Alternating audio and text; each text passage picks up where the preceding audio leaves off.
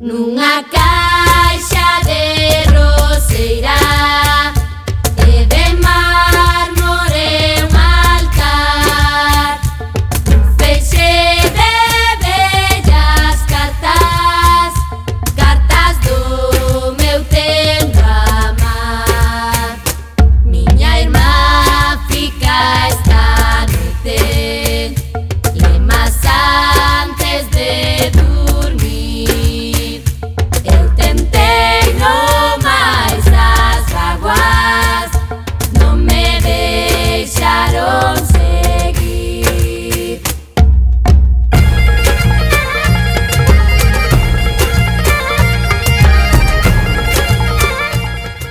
Que tal? Moi boa tarde, xentiñas recendeiras e de benvidas e benvidos tamén, claro, a este espazo radiofónico semanal dedicado á cultura que facemos todos os martes en rigorosísimo directo ás 7 da tarde aquí en Coac FM no 103.4 da FM no e a Radio Comunitaria da Coruña.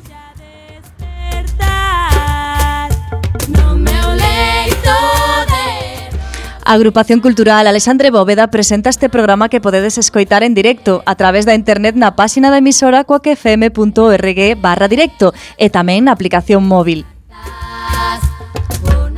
E se non chegaches a tempo, non tes excusa ti. Podes descargar todos os programas xa emitidos en Radioco, que isto de Radioco é o mega podcast da nosa emisora. Ou tamén podedes escoitalo na redifusión, que será os mércores ás 8 da mañá, os venres ás 13 horas e na madrugada do domingo ao luns exactamente a medianoite.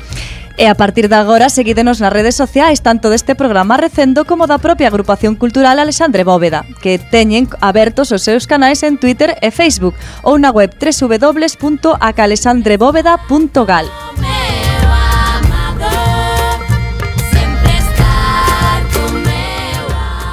Imos xa sen máis caralón a procura desta sempre fantástica aventura cultural con Luis Antillana hoxe no control técnico. E falándolles coa Almanteira a miña compañeira Marta López. E o meu compañeiro Mano Castiñeira. Sempre estar con meu amado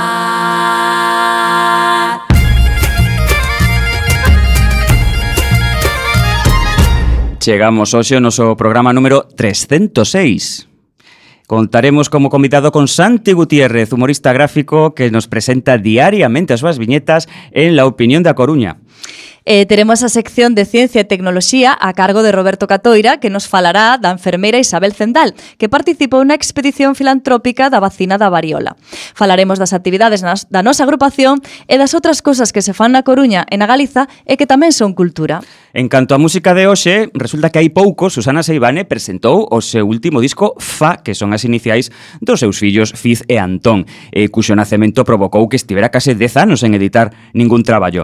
Imos presentar xa a primeira peza do día de hoxe que leva por título Sabendo miradas, daquela mesmo di que expresa sentimentos que tivo durante os partos dos seus fillos.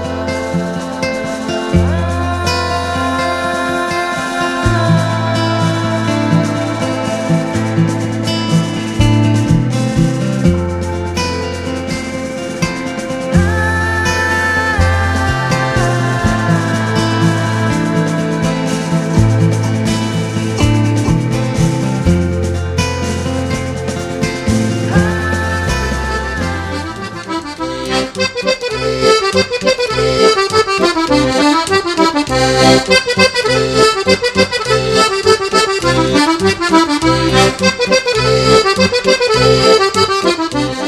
Imos dar comezo ás axendas culturais empezamos cada nosa agrupación, Alexandre Bóveda. O mércores 12, Xurxo Souto ven presentar o seu último libro, A gran travesía de Chiruca Macallás, editado por Edición Xerais. Co habitual e xa coñecido universo do autor. Será presentado por Xosé Manuel Sánchez Rey. Será ás 20 horas no noso Salón de Actos. E o Benres, que cae en 14, a xoven poetisa coruñesa Clara Vidal presenta a súa primeira obra titulada Linguaxes Digitais unha obra editada por Urutau. Vai ser presentada por Enma Pedreira e será ás 8 tamén no noso Salón de Actos.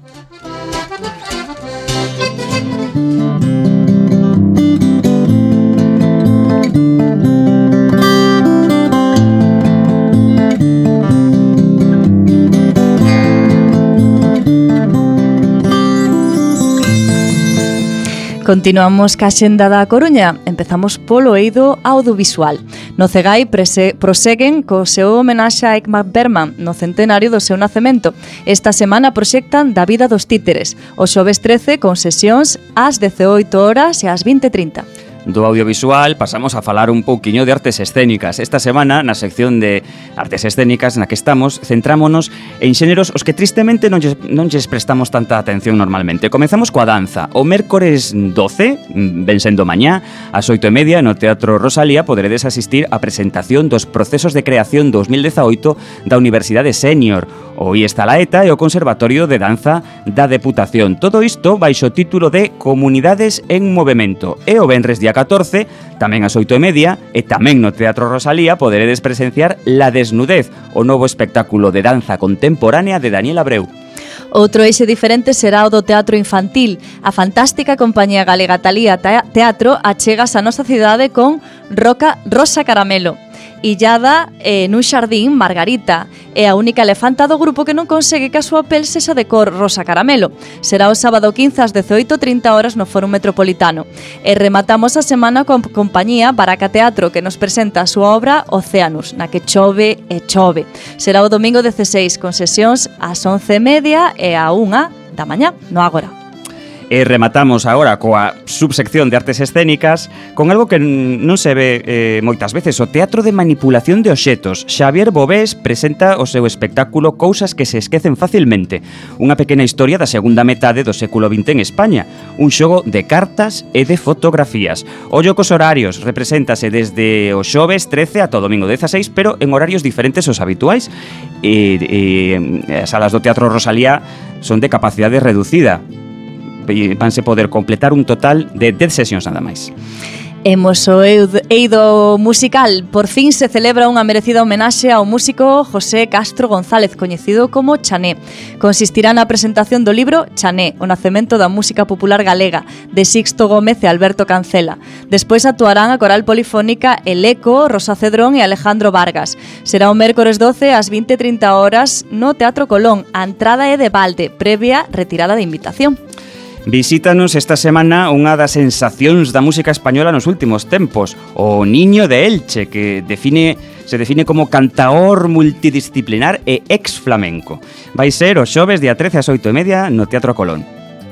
E chega o momento de despedirse de Rosendo Mercado, que pon fin á súa extensa carreira en Ñu, Leño e despois en solitario. Será este venres 14 ás 21.30 horas no Coliseo.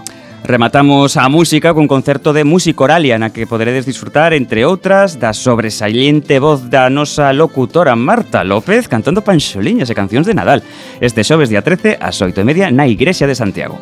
E imos ás exposicións. Desde hoxe mesmo e ata o 6 de xaneiro pode verse na Casa Museo Casares Quiroga unha interesante exposición titulada Biblioteca de Negrín. A importancia científica e política de Juan Negrín López, creador dunha prestixosa Escola Española de Fisiólogos e presidente do Goberno goberno da República dende maio de 1937. Deixou nunha zona de sombra o seu interese polos libros e a lectura. E deixamos a xenda local dicindo que o vindeiro luns poderedes gozar dunha nova entrega de poetas diversos, dinversos, pero nesta ocasión con rapsodas moi célebres. Antón Reixa pola banda galega e Bernardo Achaga pola vasca. Será o luns que día 17 ás 8 e media no Ágora.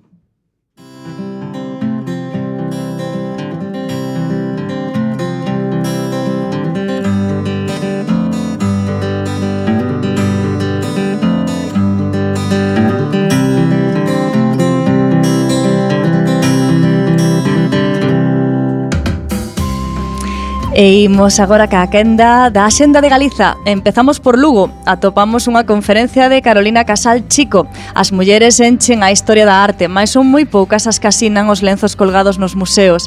As creadoras e as súas creacións ficaron menosprezadas e silenciadas por unha violenta política de ocultación sistemática, afirmando con ela a dominación masculina da arte e creando unha falsa identidade entre creatividade, cultura, beleza, verdade e masculinidade. Así é que se pretende dar voz e sonoridade ao feito artístico asolagado texto e reconstruir a historia da muller percorrendo os lugares, as tácticas e os motivos do silencio. O xoves 13 ás 20 horas na Casa do Saber, na Praza Pío 13, terce, 3.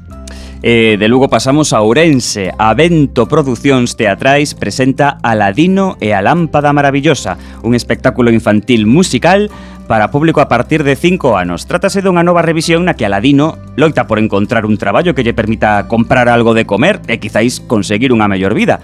Mentres, no Pazo do Sultán, unha princesiña intenta facerse oír e mudar as bellas leis que a obrigan a casar. Os dous protagonistas sentense presos e o seu desacordo coas normas establecidas levaráos a vivir unha gran aventura que podedes ver o domingo 16 ás 12 do mediodía no Auditorio Municipal e pegamos o noso clásico Chimpo a Pontevedra. Novos Cinemas presenta Noites, cunha programación musical nesta terceira edición do festival que inclúe a Pinchadas Galician Bizarre, Selvática, Lúa Zalamera, Arturo Delgado Pinchadiscos, Pantano, Trompas de Farlopio, Glinter Linter, M. Lewinsky, Diego de Charge, Esposa, Disco Las Palmeras, Rayo Taser, Señor Fiuza e J. DJ agarda, agardan vos desde mañá todo domingo 16 na Sala Karma ou no Pequeño, sempre pola noite, exceptuando a sesión Bermú do sábado ás 13 horas na Casa da Luz.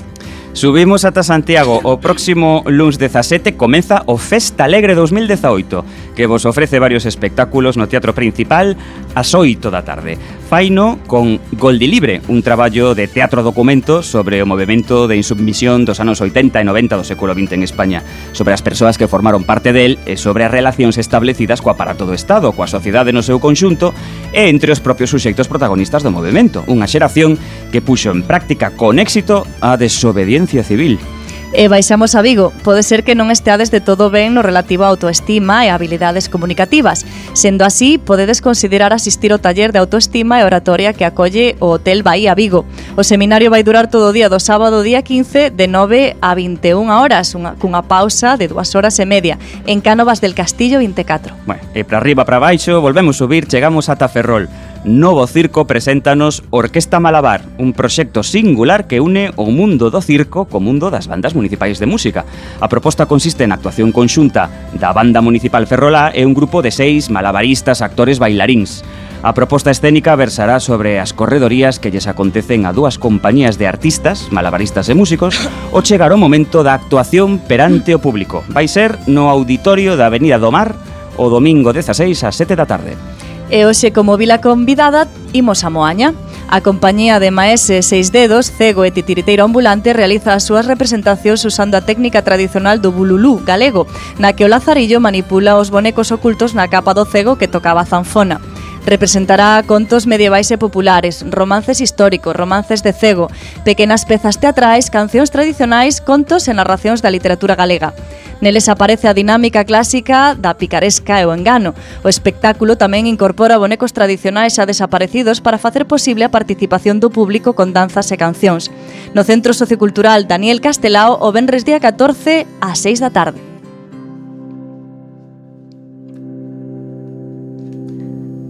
Continuades a escoitar Recendo desde Coac FM. Hoxe temos a gran sorte de contar con nos co ilustrador Santi Gutiérrez, que xa está aquí sentado no noso lado. Moitos de vos estaredes familiarizados co traballo de Santi grazas ás páxinas do xornal La Opinión de A Coruña. Todos os días podemos atopar unha ou varias viñetas da súa autoría e con elas critica con humor a actualidade. O seu punto de vista satírico sobre os máis variados temas é excusa suficiente para botarlle un ollo a este xornal coruñés. En Coac FM nunca esqueceremos a viñeta que nos dedicou co gallo do expediente sancionador que nos expulsou das ondas durante máis dun ano. Será o programa de hoxe como un agradecemento público a Santi polo seu apoio a nosa causa. Santi Gutiérrez é un dibuixante autodidacta que leva dende o ano 93 publicando en diferentes xornais como La Voz de Galicia, Atlántico Diario, La Opinión de A Coruña, El Progreso ou Correo Gallego. Tamén ten traballado para diferentes editoriais facendo ilustracións para libros ou portadista. Mostras do seu traballo tamén as podemos atopar no mundo da publicidade e do audiovisual. E, por suposto, tamén no mundo do cómic. Santi é fundador do estudio Baobab e expresidente de Agapi. Eh, para falar hoxe sobre ilustración e humor, temos connosco, por suposto, a Santi Gutiérrez. Moi boas tardes, Santi. Boas tardes.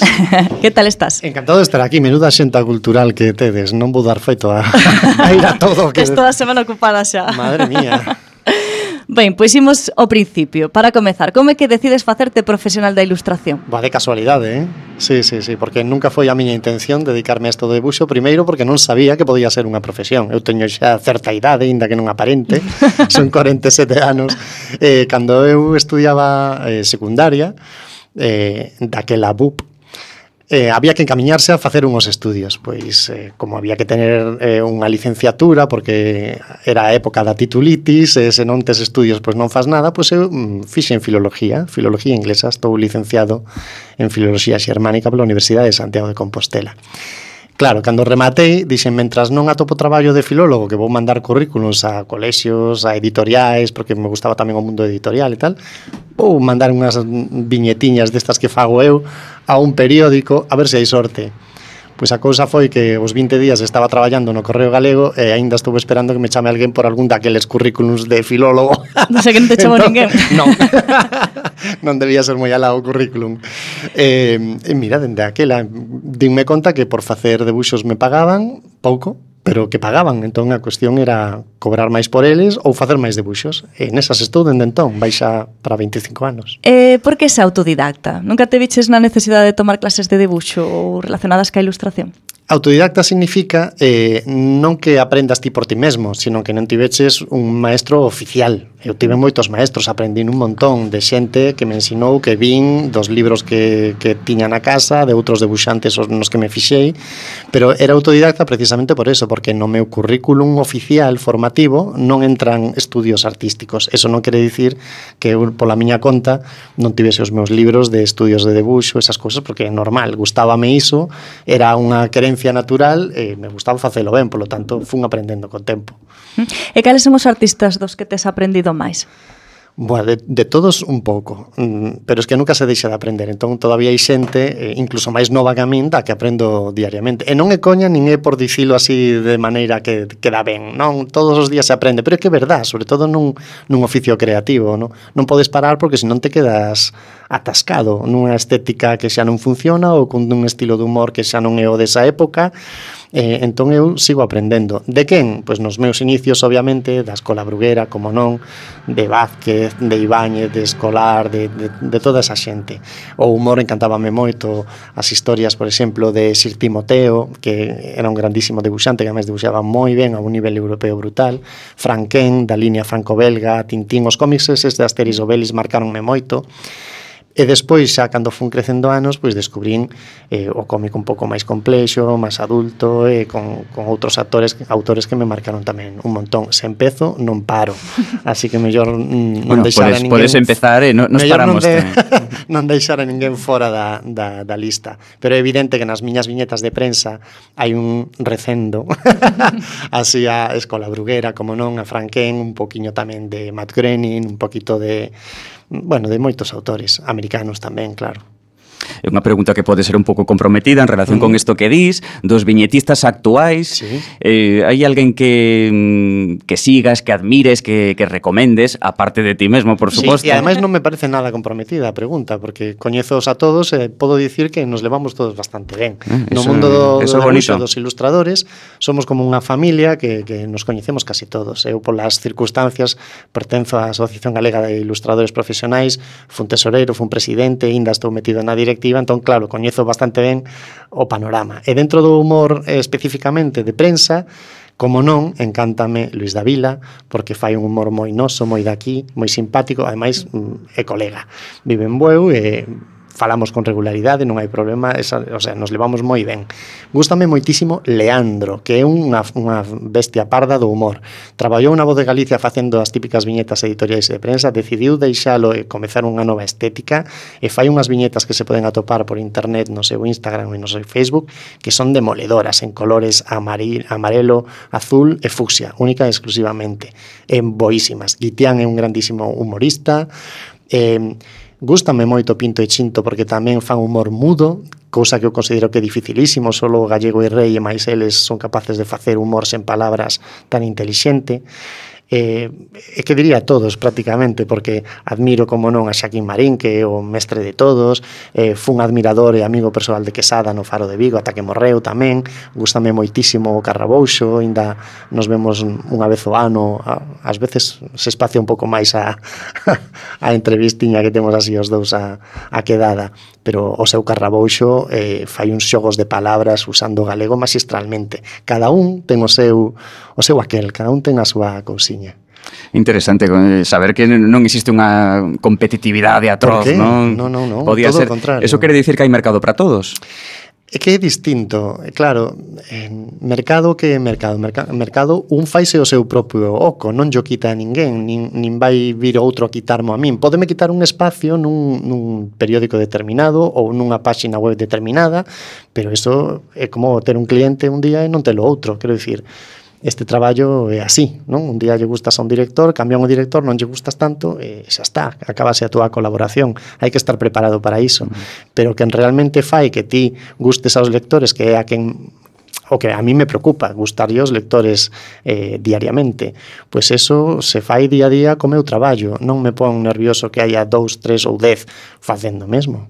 Mais que nada porque o lector é moi agradecido e podenlle gustar todos, ou, ou tres, ou dous, ou todo estar aí, non? Claro que sí. Pois pues está. eh, Santi, como faz para topar o tema que ilustras?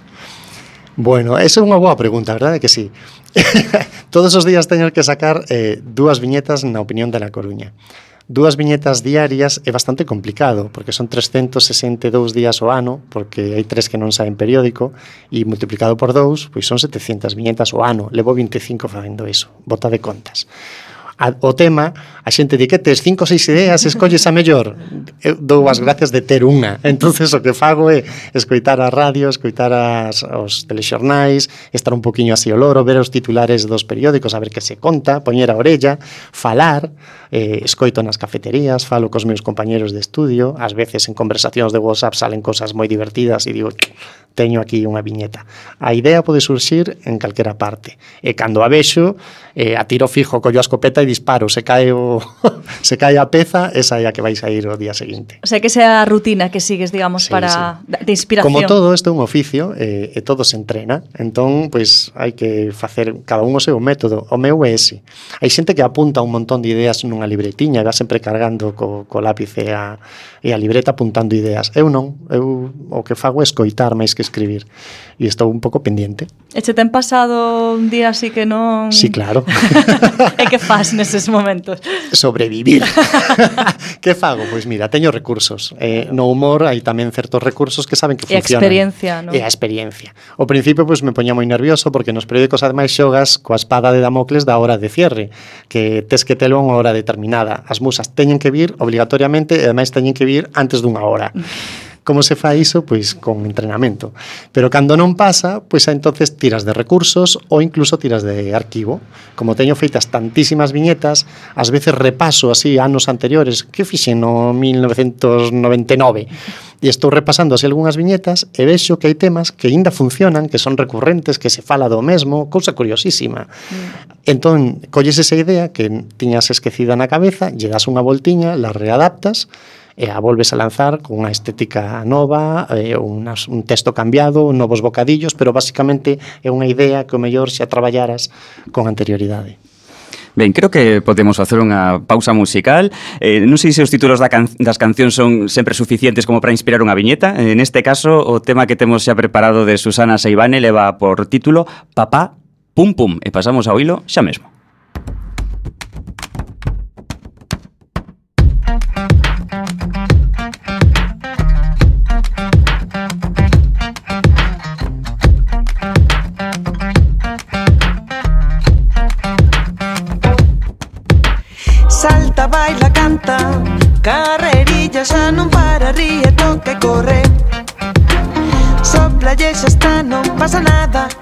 sempre accompagna fra fratello Ben.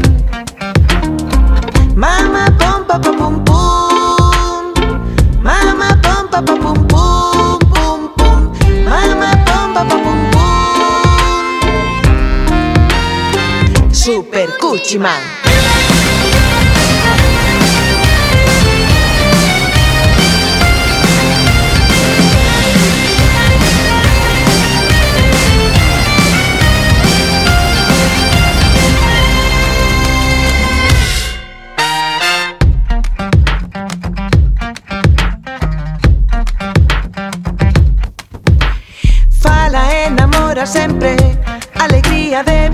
non sea planta e mudo. Xuntas mans para dormir. E pensar cousas bonitas para soñar feliz.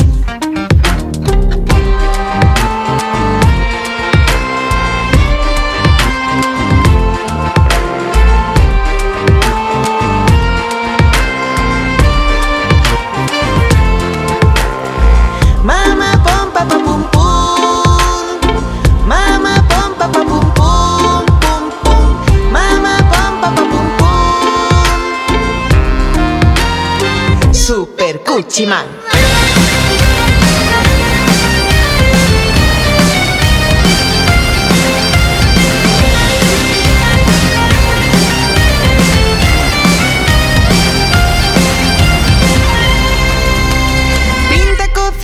xoga con inventos na cabeza. Ama berre conta bica, braza e pelexa. Pon os guantes, dallo saco, sempre forte, nunca baixo. Frega os pratos, barra casa, sempre con traballo. Música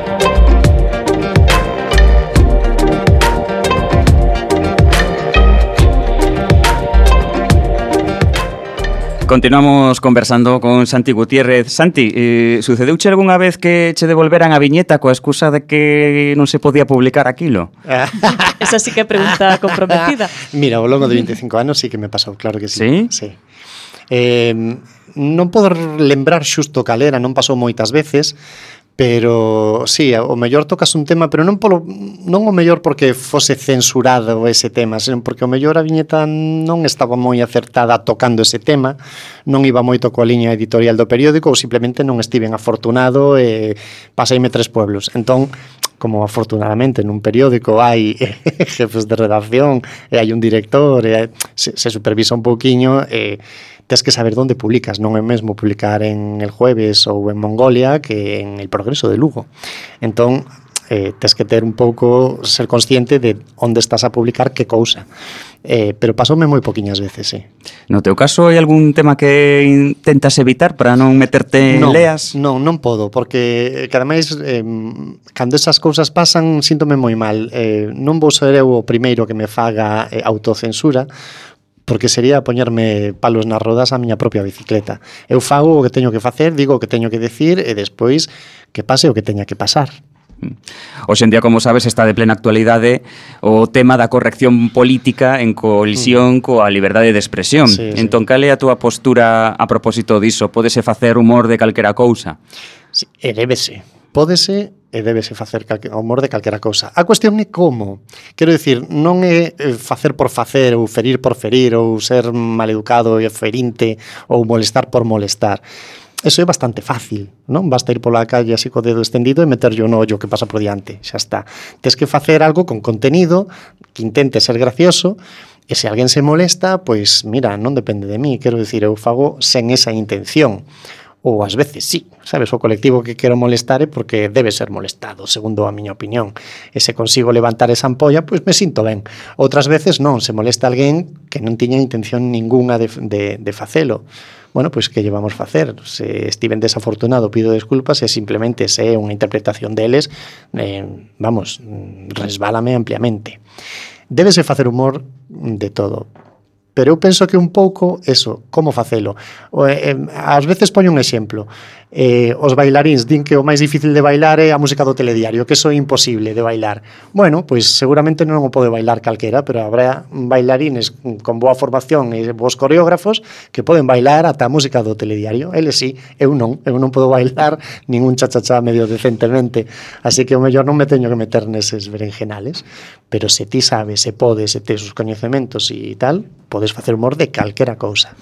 Logo, por outra banda, podemos quizáis entender que existe mm, algunhas persoas ou en xeral na sociedade un exceso de susceptibilidade, non? Sí, sí, sí, sí. Claro, como, como medimos ata onde ata onde chegar? Porque parece que está de moda ofenderse por, sí, pola a mínima, non? Temos a piel moi finiña todos, sí, sí, temos a piel de, de papel de fumar, temos un, moita susceptibilidade.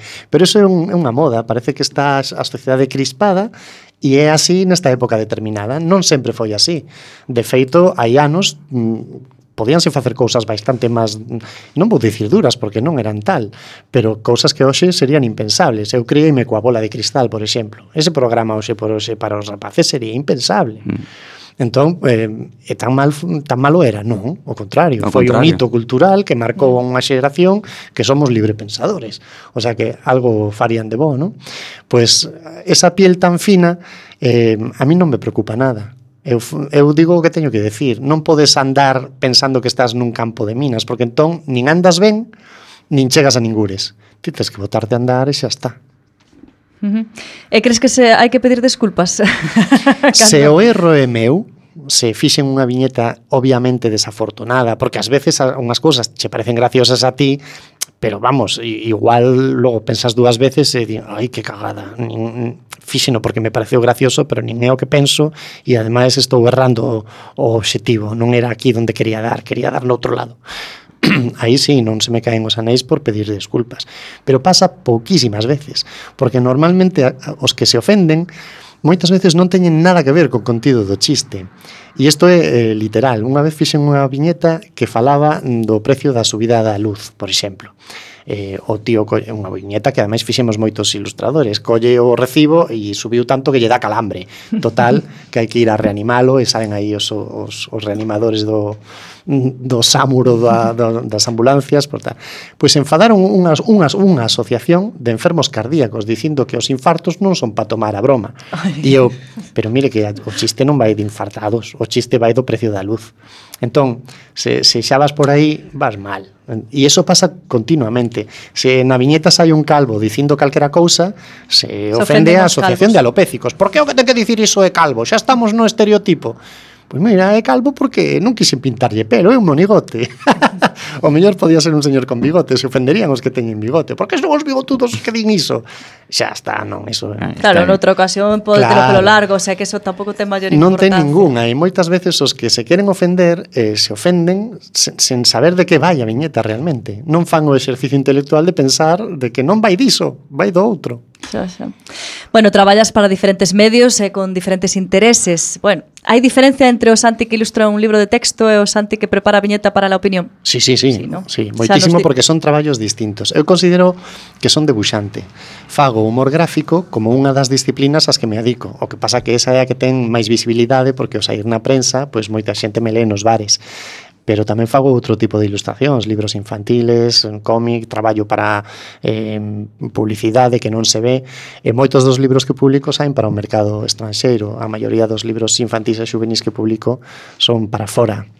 E claro, iso non se ve, entón a xente non sabe que fago ese tipo de traballo, pero eso é máis da mitade do, do tempo mm, que traballo todos os días. E claro, o encargo é diferente, a estética é diferente, o todo é distinto. Claro, e, e algún, o sea, eh, crees que algún traballo é máis satisfactorio que outro ou son por igual? Como a mí me gusta o que fago, pois pues, eh, disfruto de todo teño a fortuna de, de ganarme a vida e de sostener a miña familia pois cunha cousa que me apasiona, que é debuxar. Entón, casi que me dá igual o que me pidan debuxar, porque xa me considero afortunado debuxando, así que todos os traballos me gustan, a verdade. Cada un ten a súa cousiña, ademais. Eh, Eso, está ben que sexa así, non? Sí, mais, sí. Feixe máis, máis eh, entretido. E cambio, cambio de registro, cambio de pedido, cambio de encargo e libero a mente. Non estou todo o rato pensando sempre en unha sola cousa, estou sempre dando voltas. Ben, imos facer outra pausa, neste caso non musical, porque temos a nosa sección de ciencia e tecnoloxía agardando, agardando. eh, a cargo, como sabemos, de Roberto Catoira.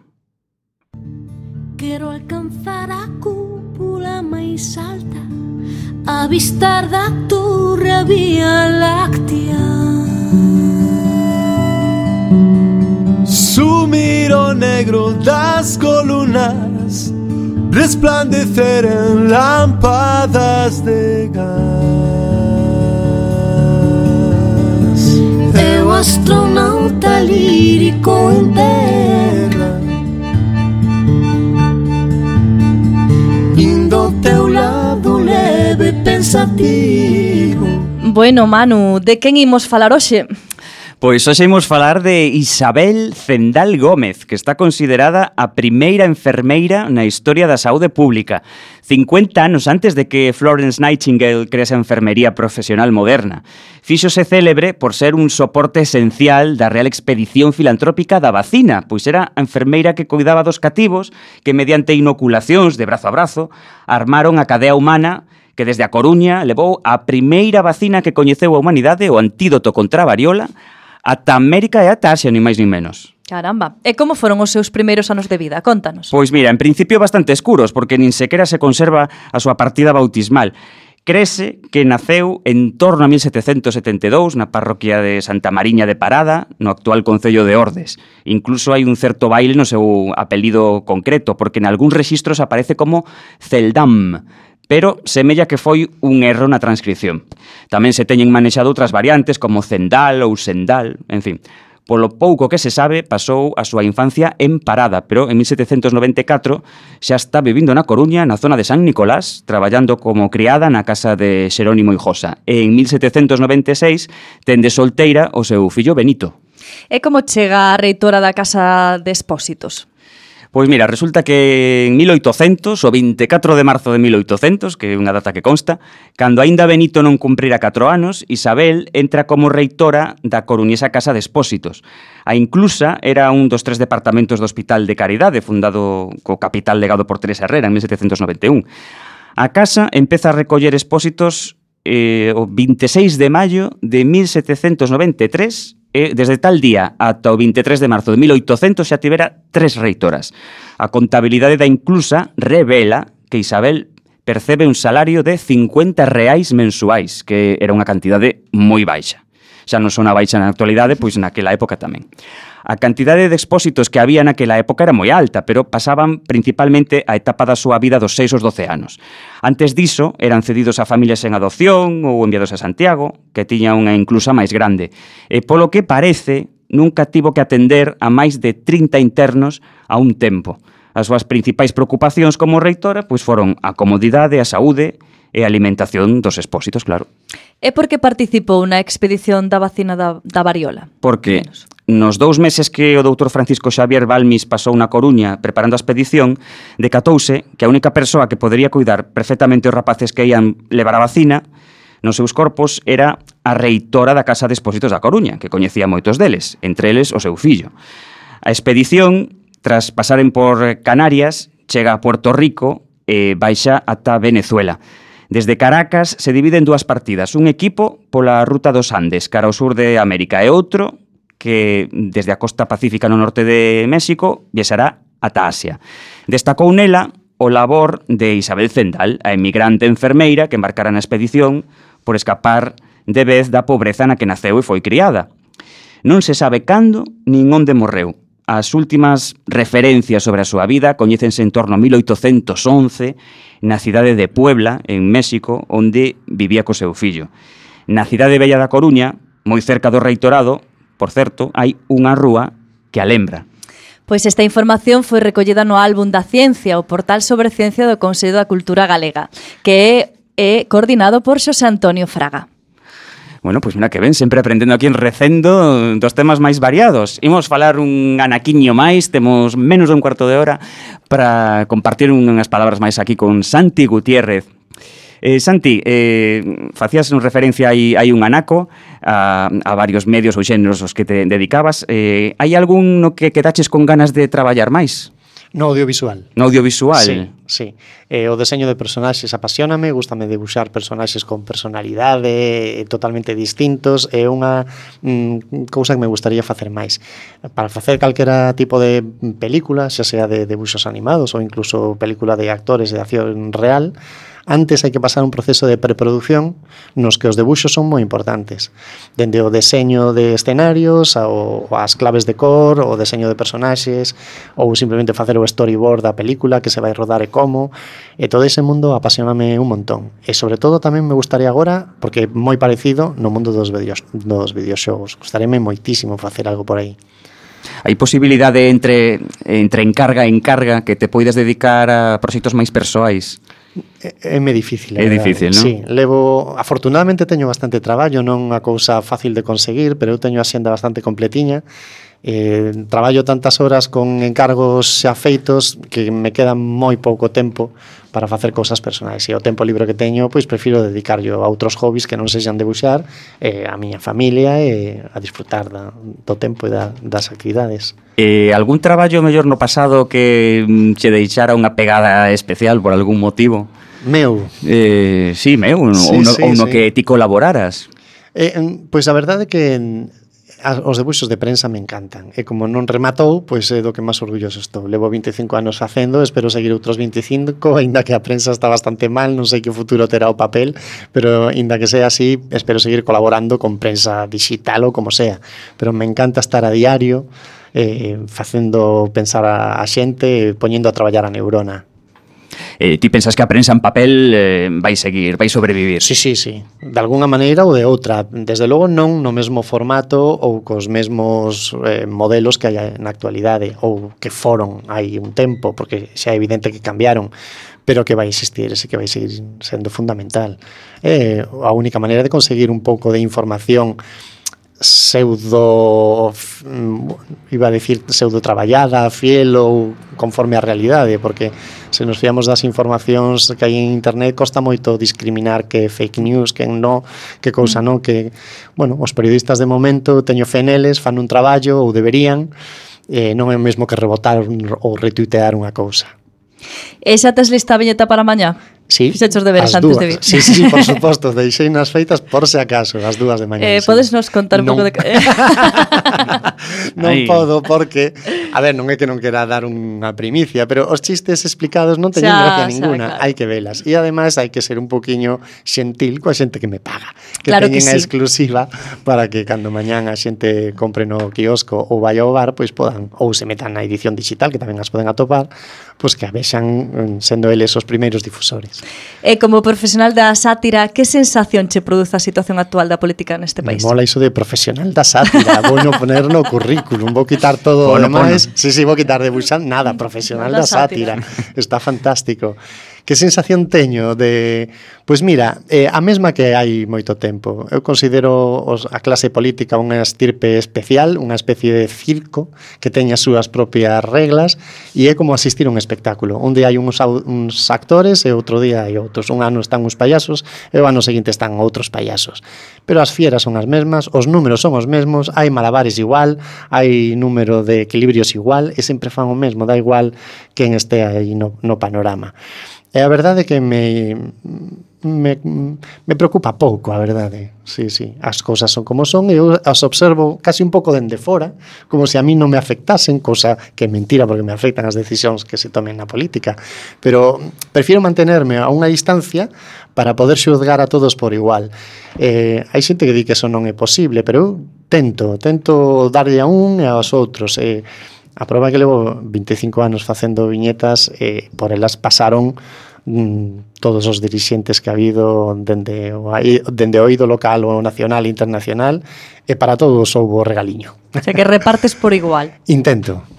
Entón, non hai que estar alerta, o, o sea, hai... Alerta hai que estar, sí, sí, pero unha cousa é, se me pregunta se teño que estarlo eu como profesional da sátira, e outra cousa como cidadán normal.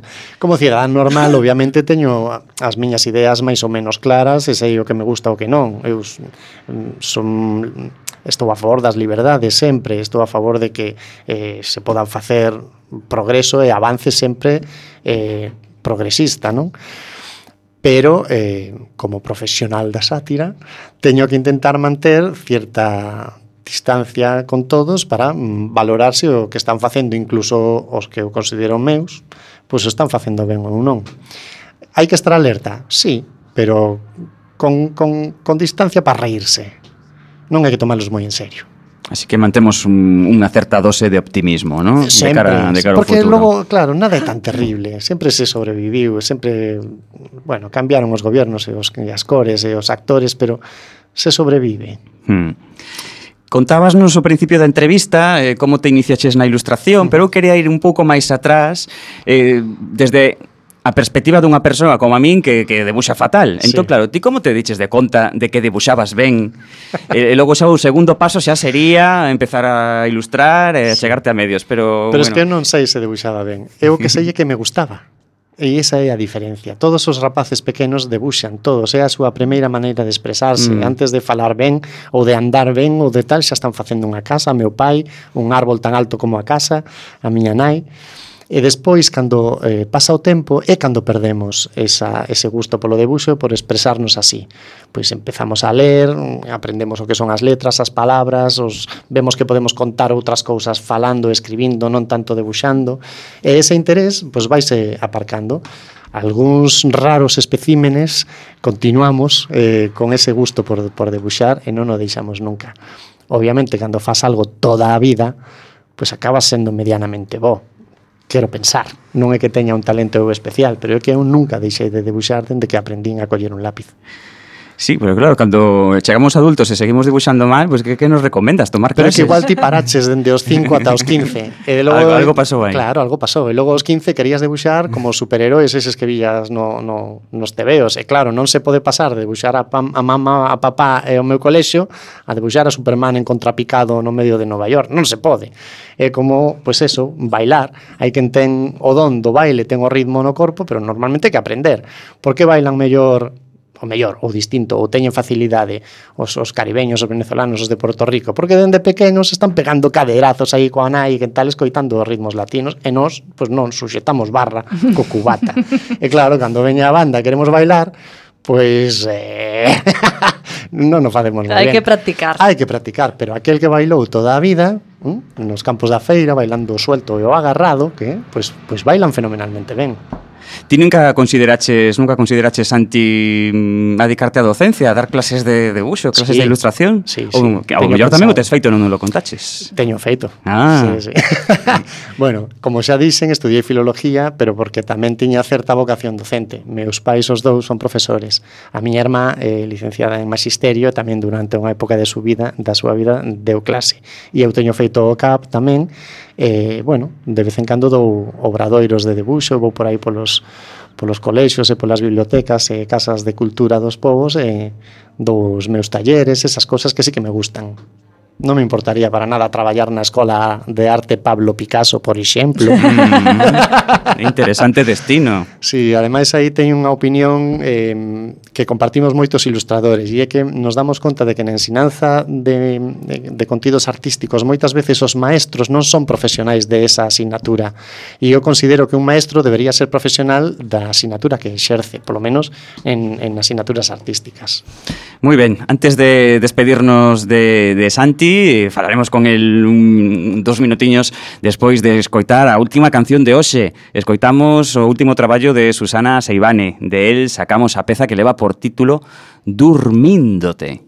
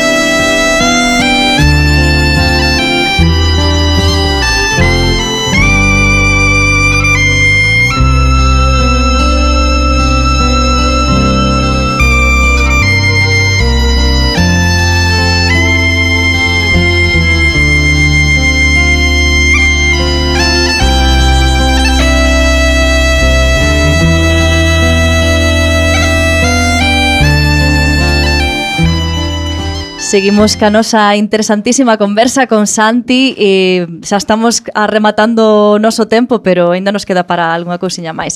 Como conseguiches introducir o teu traballo nos Estados Unidos? A través dun axente, sí. Como en todo, pois, pues, eh, en estas profesións podes ter un axente que te representa e consigues eses traballos. Eu teño un axente que no mundo anglosaxón, en Inglaterra e Estados Unidos principalmente, pero tamén Canadá ou, ou Australia e tal, pois eh, granxeame traballos. Eh, que é mellor traballar para ese, o sea, é mellor traballar para aquí, para para non, fora? Non tanto meten, para mí son traballos iguais, eh? O que pasa é que traballar cunha xente para fora pois permite meter o meu inglés un poquinho todavía vivo e activo, eso está bastante ben, eh, ampliar mercado e público, porque o mundo é moi grande, entón eh, se traballas moito nun mercado pequeno acabas quemado, se se traballas para outros mercados, pois tardarás máis en quemarte. E conectas ben, o sea, enténdese o teu humor? Eh... Bueno, que eu os libros que fago para fora son contos infantís, non fago viñetas. Ese sí que é complicado porque o, o mercado das viñetas, cartoons, editoriais que lle chaman en Estados Unidos, son moi, moi, moi específicas, teñen unhas normas moi claras e aí é dificilísimo. Hai un sindicato de ilustradores, é unha cousa moi complicada. Pero eu o que fago para fora son contos infantís, literatura infantil e juvenil, contos para rapaces.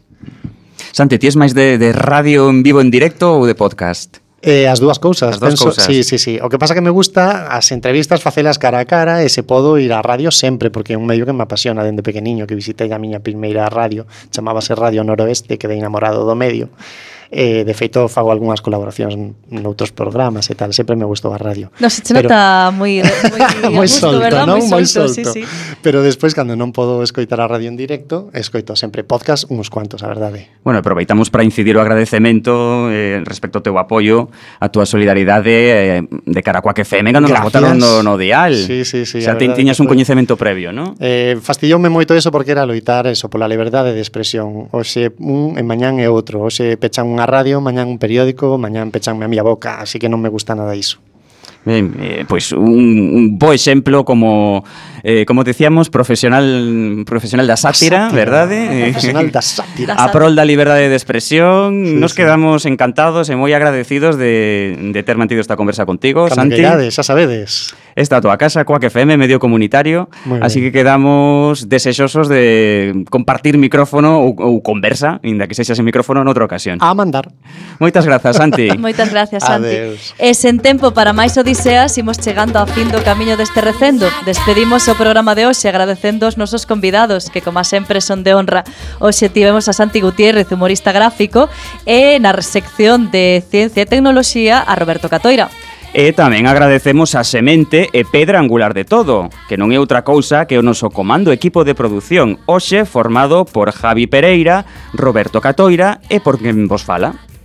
E tamén estivemos nos controis, Luis Antillana no día de hoxe e coalento do micrófono a miña compañeira Marta López. E Manu Castiñeira. Acompañándote neste recendo de palabras e de imaxes radiofónicas que nos traen este aroma cantado na nosa lingua e que nos permite hoxe e tamén no futuro a permanencia da palabra, da música e da implicación e o compromiso coa nosa nación, a Galiza. Ato vindeiro martes ás 7 da tarde en directo nesta emisora coa que FM da Coruña. Xa sabedes, recendo as mil primaveras que terá o noso idioma.